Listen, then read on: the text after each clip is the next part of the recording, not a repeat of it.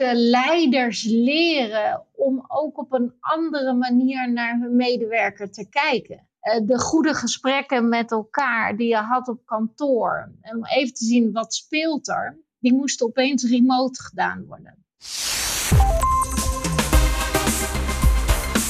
Elke week onderzoekt Maarten Bouwhuis hoe Nederland leeft en werkt in het nieuwe normaal.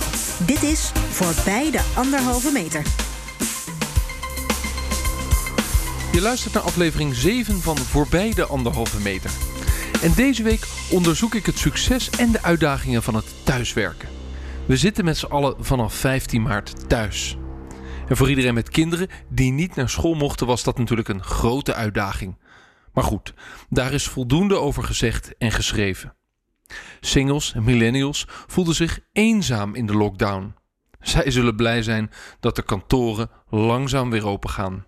Grote bedrijven openen inderdaad hun kantoortuinen weer voor de kenniswerkers achter de beeldschermen. Hoe ziet zo'n heropening eruit? Hoeveel mensen moeten er thuis blijven werken? In deze podcast is Saskia Bekkers de gast. Zij is HR-directeur van T-Mobile, verantwoordelijk voor 2500 medewerkers, verdeeld over vier kantoren en winkels. En ook hoor je Ulrika Leons, GZ-psycholoog en directeur van Skills, onderdeel van Zorg van de Zaak. Zij bieden psychologische diensten voor werknemers gericht op het bevorderen van inzetbaarheid en werkgeluk. Mijn eerste vraag is eigenlijk makkelijk. Ik moet het weten, Saskia. Is dat thuiswerken nu een blijvertje voor altijd? Wij deden dit al voor uh, eigenlijk COVID op ons pad uh, kwam. Uh, thuiswerken was een onderdeel van onze manier van werken. Maar het was meer voor bepaalde groepen medewerkers. En je ziet nu dat eigenlijk onze hele brede populatie kennis gemaakt heeft met thuiswerken. En daar ook inderdaad uh, een toekomst in ziet. En die toekomst gaan we helemaal uitwerken in dit gesprek. Maar om alvast uh, uh, te verklappen waar dat eindigt. Tot de kerst werken de mensen die thuis kunnen werken meer thuis dan op kantoor. Ja, wij volgen hier het advies in van het RIVM. Hè. Werk zoveel mogelijk vanuit thuis. Maar geven wel de mogelijkheid om af en toe naar kantoor te gaan sinds twee weken. Omdat we beseffen dat een kantoor meer is dan een bureau. Hè. Een kantoor is ook een plek waar je medewerkers ontmoet.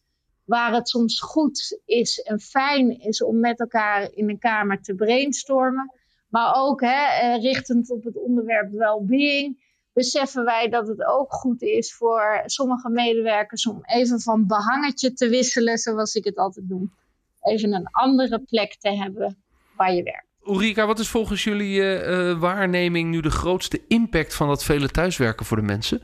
Ik denk dat uh, de grootste impact voor heel veel mensen is geweest de combinatie werk en privé dat dat een beetje door elkaar gaat lopen als je zeg maar, hetzelfde behang hebt voor je gezinsleven als voor je werk. En uh, vooral dan als uh, er kinderen thuis zijn. Dus mensen die hebben moeten blijven functioneren uh, terwijl er ook kinderen om je heen zijn. En wat voor klachten kwamen er dan bij jullie terecht via de werkgever? Nou, dat het bijna niet mogelijk was om zeg maar ja, een tijd van half uur, uur onafgebroken te kunnen werken en je te kunnen richten op je taken. Maar dat je uit je werk wordt gehaald voortdurend. Dat is overigens in een kantoortuin ook vaak zo. Maar uh, het geldt nu voor een veel grotere groep mensen. En daarnaast uh, de afstemming thuis ook, met je, als je een partner hebt en kinderen. Wie gaat wanneer werken? Nou, dat geeft spanning. En ook het gevoel van een beetje tekortschieten naar de kinderen toe. Het gevoel hebben dat je een beetje verantwoordelijk ook wordt voor het doorlopen van het onderwijs van je kinderen. En daarin zien we dat met name uh, mensen die kinderen hebben die onder de 12 zijn, daar last van hebben. En dat het, nou ja, als het gaat om pubers en wat oudere kinderen, wel redelijk gaat om je af te sluiten om je werk te kunnen doen, maar dat dan weer andere zorgen de kop opsteken die voor onrust zorgen.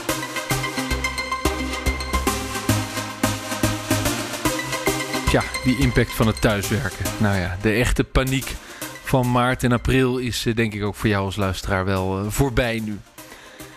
Saskia Bekkers legt uit dat de organisatie er al wel heel erg klaar voor was. Technisch was alles op orde.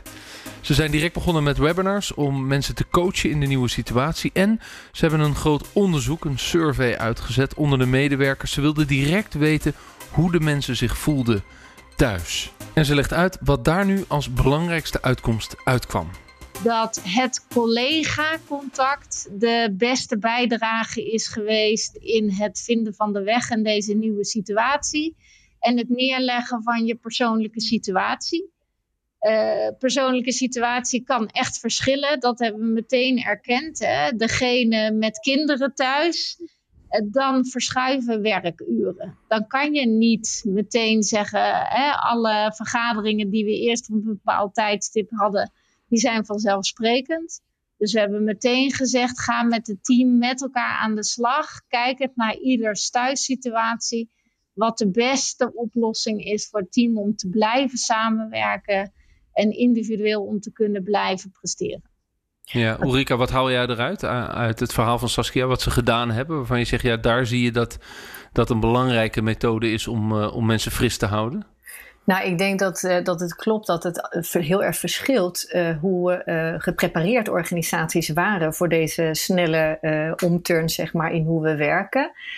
Um, waarbij heel veel zorg- en onderwijsinstellingen dat natuurlijk helemaal niet hebben, zoals T-Mobile dat heeft gedaan. Um, wat je ook ziet in het begin van zo'n beetje chaotische periode, is dat het ook heel verbindend werkt. Dat gevoel van uh, met z'n allen en de schouders eronder. We gaan deze crisis met elkaar uh, redden. Deze bijna een soort euforie. Waardoor de bereidheid van medewerkers, denk ik, ook enorm is om dingen te laten werken en het uh, werk te kunnen laten doorgaan. En uh, je zag ook in de beginfase dat heel veel organisaties enorm aan het zoeken waren. Waar vind ik zeg maar de do's en de don'ts, de regels? Uh, als iemand bijvoorbeeld uh, minder uren moet werken omdat er geen opvang is uh, of het kind niet naar school kan, maar mijn partner heeft een hele belangrijke baan en die moet dan uren draaien voor zijn werk, wie gaat dat dan betalen? Enfin, al dat soort onzekerheden, dat kunnen mensen in het begin wel dragen, waardoor je als management ook even de tijd hebt om op adem te komen en snel dingen in te regelen en dit soort kanalen te creëren zoals blogs of uh, contactpersonen voor feitelijke vragen over vergoedingen, wat voor verlof, et cetera. Of om dingen te organiseren. In de beginperiode was het toch een beetje een honeymoon of zo. Een soort van we gaan samen hier de crisis redden. Ja, en ik denk dat je dat ook ziet bij zorgwerkers nu. Uh, die eerste piek die kun je handelen ook een beetje op die adrenaline, zeg maar. Nu is er een soort, ja, hoe zou je het noemen? Een soort um, ja, illusie van het is weg of het, het, gaat wel weer. Uh, en als er een tweede golf komt of een toename weer, dan denk ik dat mensen ook zullen voelen dat hun veerkracht er een beetje uit is. Ja. ja, jij vertelde eerder in NRC over de mentale uitputting van het thuiswerken. Ja. Um, hoe werkt dat dan? Hoe put je dat dan mentaal meer uit dan als ik op kantoor in de kantoortuin uh, zit achter een beeldscherm? Nou, ik denk dat de beleving van, van het hele leven wat meer tweedimensionaal is. Je zou kunnen zeggen, je zit voortdurend in twee werkelijkheden als je nu uh, met name online werkt. Dus je zit in de, in, de, zeg maar, in de setting van je eigen huis, dus dat behang van, van, van de privéruimte, zeg maar.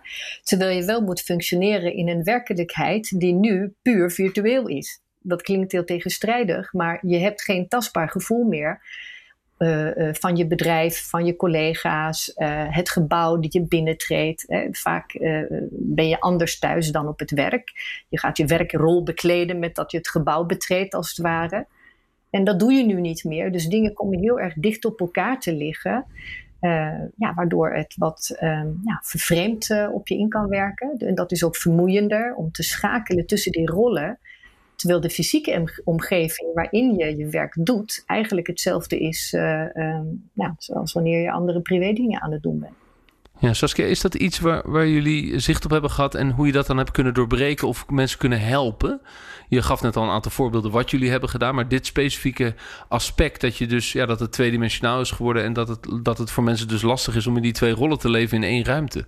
Gaat het zo detailistisch als je mensen wil coachen? Uh, nee, het gaat niet zozeer uh, in die details, maar waar we heel erg op gefocust hebben, is het hebben van het gesprek. Omdat uh, hè, je kan als bedrijf zeggen van we vatten het in één guideline die voor iedereen geldt. Maar ten eerste, uh, we hebben allemaal verschillende functies, allemaal verschillende soorten en type medewerkers in de organisatie. Dus dan kan je het niet vatten in één protocol. Dus we hebben voornamelijk gestuurd op het bij elkaar in contact blijven. We hebben gestuurd op het feit, nou, waar, waar het om draait, is dat uh, medewerkers van ons voornamelijk een gevoel van veiligheid moesten ervaren. Een gevoel dat de T-Mobile achter hen stond in de keuzes en in de uitdagingen waarin ze stonden.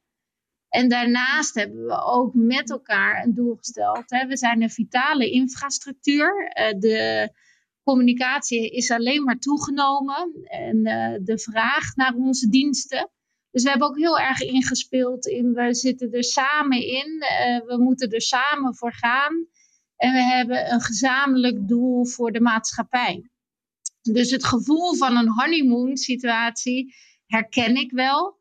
Uh, je ziet dat uh, de medewerkers tevredenheid, we hebben net het onderzoek afgerond, is, zien we enorme hoge scores en mooie scores. Echt iets om trots op te zijn.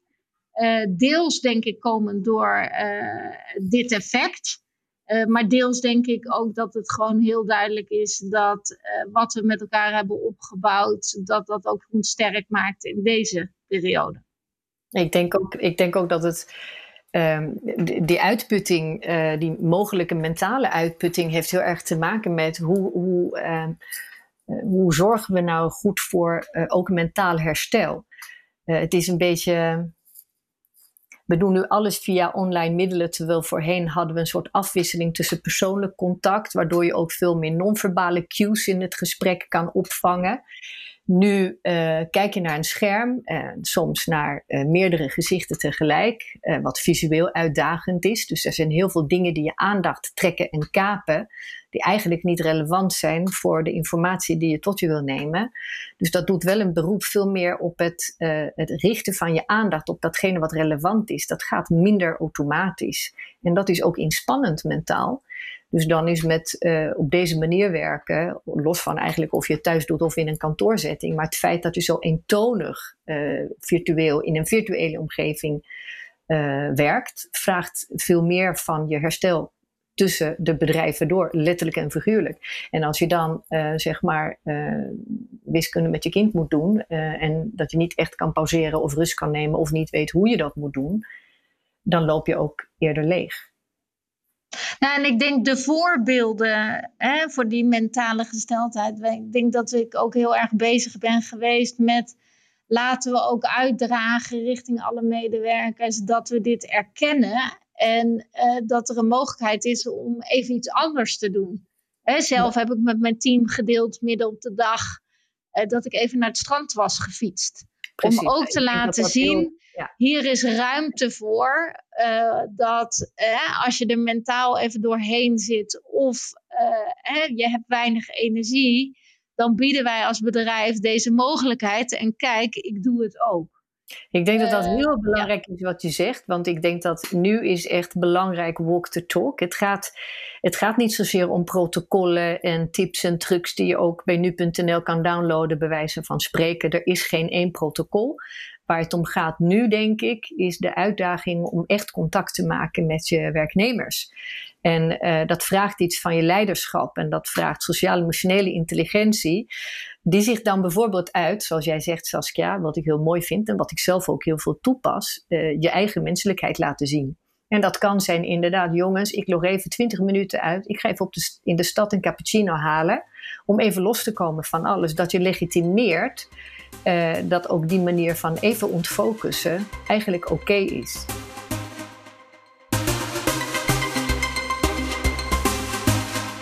Ja, je kunt natuurlijk alle managementboeken erop naslaan. Voorbeeldgedrag is belangrijk. Zo legt ook Ulrika Leons, de GZ-psycholoog, in deze uitzending uit.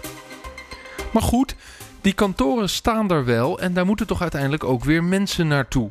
Veel bedrijven volgen de lijn 1 juli. Uh, dan gaan er weer langzaam mensen naar kantoor.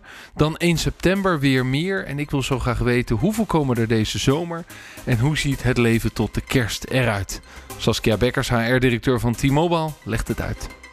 Nou, we hebben aan het begin van corona gezegd: we zullen geen verplichting uh, geven voor het naar kantoor gaan. Uh, naar kantoor gaan is je eigen keuze. Dus wij stellen daar ook helemaal geen vereisten aan. iedereen heeft daar zijn vrijheid in om in overleg te gaan met de manager wat hij wel en niet wil. Zeker omdat we een, een groep hadden die zei: Nou, ik wil wel eens een keer naar het kantoor zijn we twee weken geleden geopend met, voor 15%. Dus uh, eh, 15% van de werkplekken uh, conform de anderhalve meter richtlijn werden toen beschikbaar gesteld. Vanaf deze week gaan we naar 30% om uiteindelijk naar een 50% uh, kantoorverbruik te kunnen gaan, zonder dat daar een verplichting in wordt gesteld. Ja, ja, en op welke mate heb je de kantoren moeten aanpassen om het mogelijk te maken? Ik bedoel, uh, moet ik denken aan, aan, aan, aan routing en dat soort dingen? Wat zijn de slimme trucjes in jullie kantoorgebouwen? Ja, we hebben routing toegepast. Uh, je koopt als het ware een, uh, of je reserveert een ticket voor kantoor. Dus per afdeling, afdelingsvloer, hebben we gezegd: Nou, hier zijn nu tien veilige werkplekken. En dan kan je centraal aangeven of je daar een werkplek voor de dag wil reserveren. Uh, daarnaast hebben we hygiënemaatregelen genomen, afspraken gemaakt met onze cateraar. Uh, nou, allemaal verschillende wijzen om eigenlijk te zorgen, we willen een veilig kantoor waar, om naartoe te gaan. Maar veel belangrijker hebben we ons gefocust op een gezonde thuiswerkplek. Uh, om te zorgen dat we weten dat dit langer termijn duurt. Dus dan is eigenlijk je thuiswerkplek, hebben we nu een grote prioriteit gegeven om die verder te faciliteren voor iedereen. En er is dan geen sturing op het feit dat mensen vooral naar kantoor moeten komen om elkaar, met elkaar te overleggen. Weliswaar op anderhalve meter, maar dan het kantoor te gebruiken om elkaar te zien. En het, laten we zeggen, het werk wat achter een scherm moet gebeuren, dat je dat net zo goed thuis kan doen. Daar stuur je dus niet op. Nee, wij bieden de mogelijkheid van naar kantoor gaan op een veilige manier. Maar we hebben geen verplichting ingesteld. Nou kan ik me voorstellen, Ulrike, als je hier naar luistert, hè, die vrijheid die T-Mobile geeft aan de mensen, mhm. dat dat voor heel veel mensen prima uitpakt. Hè? Dat sommige mensen het eigenlijk wel, dat blijkt ook wel uit onderzoeken, het wel lekker vinden. Dat thuiswerken, dat past ook bij hun. Andere mensen missen het sociale. Um, iedereen kent wel die sociale collega waarvan, ja, die een beetje verpietert thuis. Mhm. Uh, uh, dus die is blij dat hij weer naar kantoor kan. Maar is er ook een groep mensen waar deze vrijheid zelfs een beetje ingewikkeld is? Dat, ze, dat het gezond voor hen zou zijn om op kantoor te zijn en weer vaker te gaan. Maar dat ze het niet doen omdat ze zich niet veilig voelen of wat dan ook. Omdat ze dus, doordat Saskia ze eigenlijk die vrijheid geeft, dat het ook een gevaar is. Ik denk dat er medewerkers zijn die misschien ook uit angst eh, thuis blijven. Dat zien wij ook wel. Mensen die bang zijn voor besmetting, die misschien ook niet een heel reëel beeld hebben van wat er wel kan en wat er niet kan, wat veiligheid en wat niet is. Wat is een acceptabel gecalculeerd risico gezien de omstandigheden in mijn regio of wat dan ook. En, en dat zijn natuurlijk wel mensen die je in de picture wil hebben. Ja, Saskia, dat roept dus de vraag op of er punten zijn dat je en dus die medewerker eh, goed in de smiezen wil hebben van hé, hey, hoe voelt hij zich en wat is nou voor hem goed?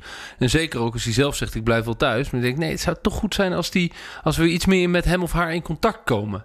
En dat je dan toch op een punt komt dat een manager kan zeggen nou, we gaan met het hele team uh, die maandag uh, naar kantoor en ik verwacht ook eigenlijk dat je er bent.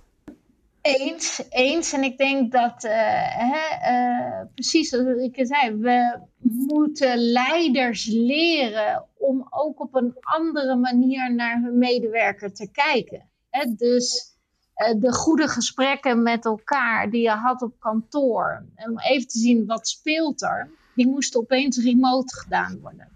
Dus binnen de tools die we de managers nu geven, zitten ook deze hele specifieke vragen in.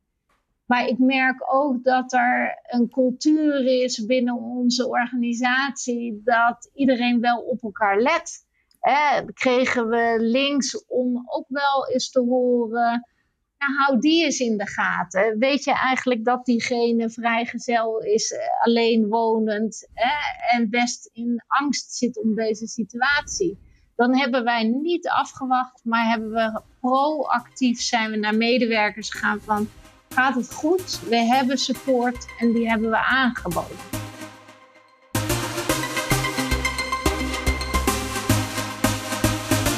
Het is toch een beetje de rode draad van deze podcast. Het draait niet om protocollen, maar om menselijk contact.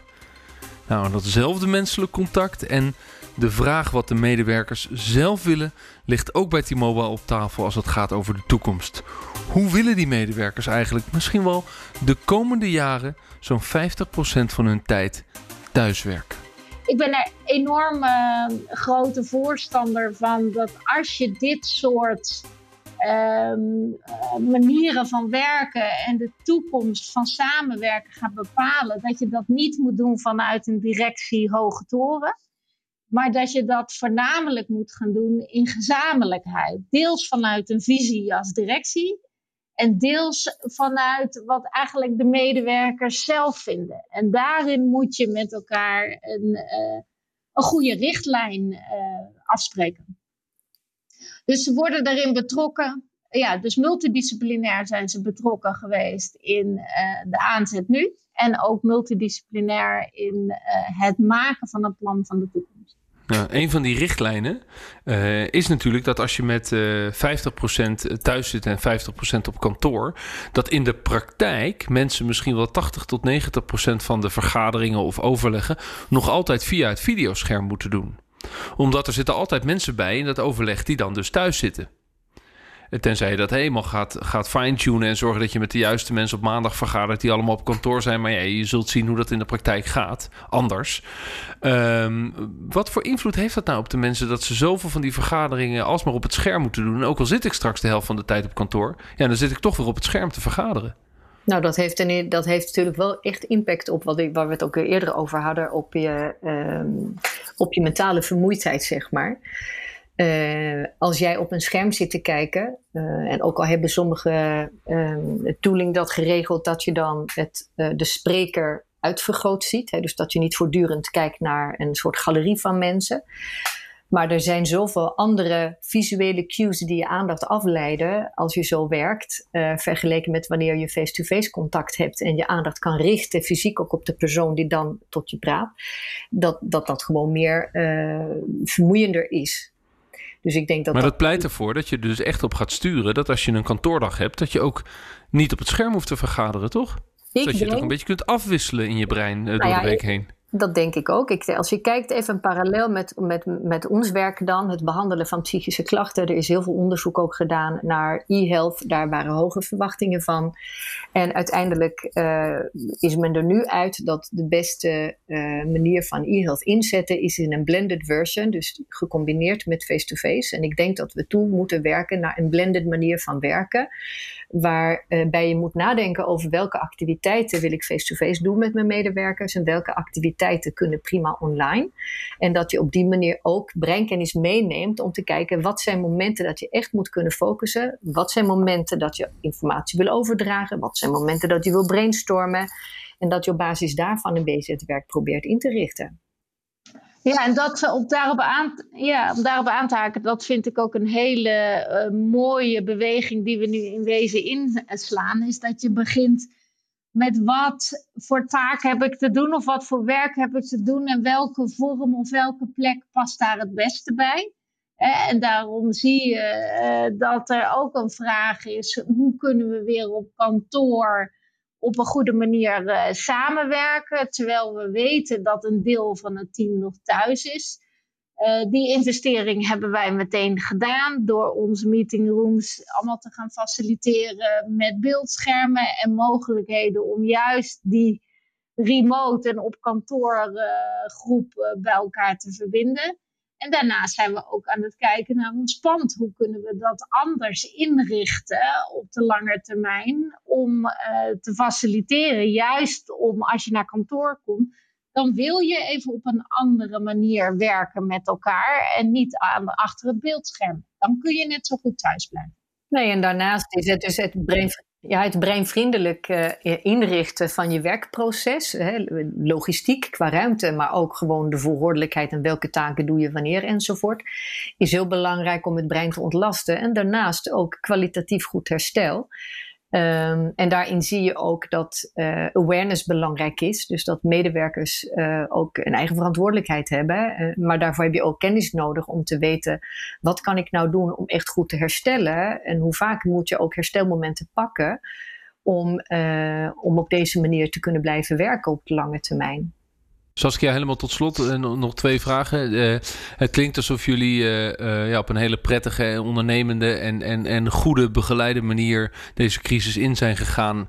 en het nu ook weer aan het begeleiden zijn naar een soort van nieuw normaal. andere manier van werken. wat is nou het punt waarvan je zegt. Ja, daar hebben we de meeste hoofdbrekers over gehad. Of dat zit ons nog steeds dwars als het gaat over het thuiswerken van de collega's. Nou, ik denk de hoofdbreker is bij ons voornamelijk geweest. We hebben 125 winkels. Als je kijkt, hè, dat was in het begin uh, van de coronacrisis, bleven alle winkels open. Op een gegeven moment hebben wij als bedrijf gezegd, nou, we, van ons uh, eerste speerpunt is people first, hè, uh, safety first hebben we ervoor gekozen om uh, de winkels te sluiten. Nou, dat is een van de moeilijkste beslissingen die je als bedrijf neemt. Achteraf zijn we nu ontzettend blij dat we die hebben genomen, want we hebben hierna heel snel alle winkels weer kunnen openen, uh, waardoor onze medewerkers zich meteen veilig voelden en we de klanten weer goed hebben kunnen uh, bedienen. Maar dat was echt een hele moeilijke keuze om te maken op dat moment. En nu werkt die medewerker een soort van uh, geïsoleerd achter plastic uh, in de winkel? Dat was fase 1. Inmiddels zijn we nu in een fase 2, waarin we werken met een happy dot concept. Hè. Fase 1 was, we gaan open via een loket concept. Nu we weer meer weten en meer kunnen.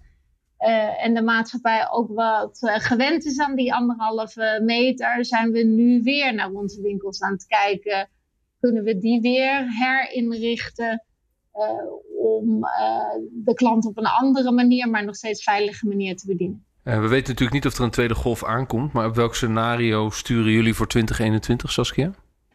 Het scenario waarop we sturen is voornamelijk steeds op tijd voorbereid zijn op wat er gaat komen. Door middel van meerdere scenario's en concepten uitdenken er klaar voor zijn is eigenlijk de strategie. Uh, omdat we dit niet hadden kunnen voorspellen. In februari hadden we niet kunnen voorspellen wat er half maart zou gebeuren. Maar het enige wat je kan doen is op tijd beginnen met het voorbereiden van eventuele scenario's die je dan uh, voor je ziet. Ja, maar het betekent dat in ieder geval uh, ook na de kerst 2021 mensen voor 50% van de tijd, want dat wordt een beetje de nieuwe manier van werken, thuiswerken. Ja. Ja. En als er een tweede golf komt, dan kunnen we weer verder in lockdown. In lockdown. Precies, precies. We willen nadenken over een lange termijn manier van werken, waarin thuiswerken een veel grotere rol gaat innemen. Uh, maar daarnaast zijn we eigenlijk klaar als er weer een lockdown gaat komen, om daar weer op te anticiperen. Het is mij wel duidelijk. Als ik luister naar het verhaal van T-Mobile dan gaan we lang thuiswerken. En dat is niet alleen maar tot kerst, maar waarschijnlijk ook nog wel 2021. En ja, waarom dan niet voor altijd? Alle tools, alle systemen zijn er klaar voor. Ja, het enige is dat we moeten leren hoe we ons als mens voelen thuis. En hoe we dus deels digitaal en deels door elkaar toch gewoon lekker in de ogen te kijken samenwerken. Een vraag die natuurlijk nog wel boven de markt blijft hangen. Als dit doorzet, en dit is voor altijd. We werken 50% van de tijd thuis. Wat betekent dat voor het kantoorvastgoed? Nou ja, misschien een thema om nog maar eens een aflevering voorbij de anderhalve meter over te maken. Dankjewel voor je verhaal, Saskia Bekkers, HR-directeur van T-Mobile. En dankjewel Ulrika Leons, GZ-psycholoog, medeoprichter en directeur van Skills, onderdeel van Zorg van de Zaak. Dit was alweer de zevende aflevering van Voorbij de Anderhalve Meter. Vond je het leuk? Luister dan ook de andere afleveringen terug. Uiteraard allemaal te vinden in je favoriete podcast-app. Mijn naam is Maarten Bouwhuis. Bedankt voor het luisteren. Tot de volgende week.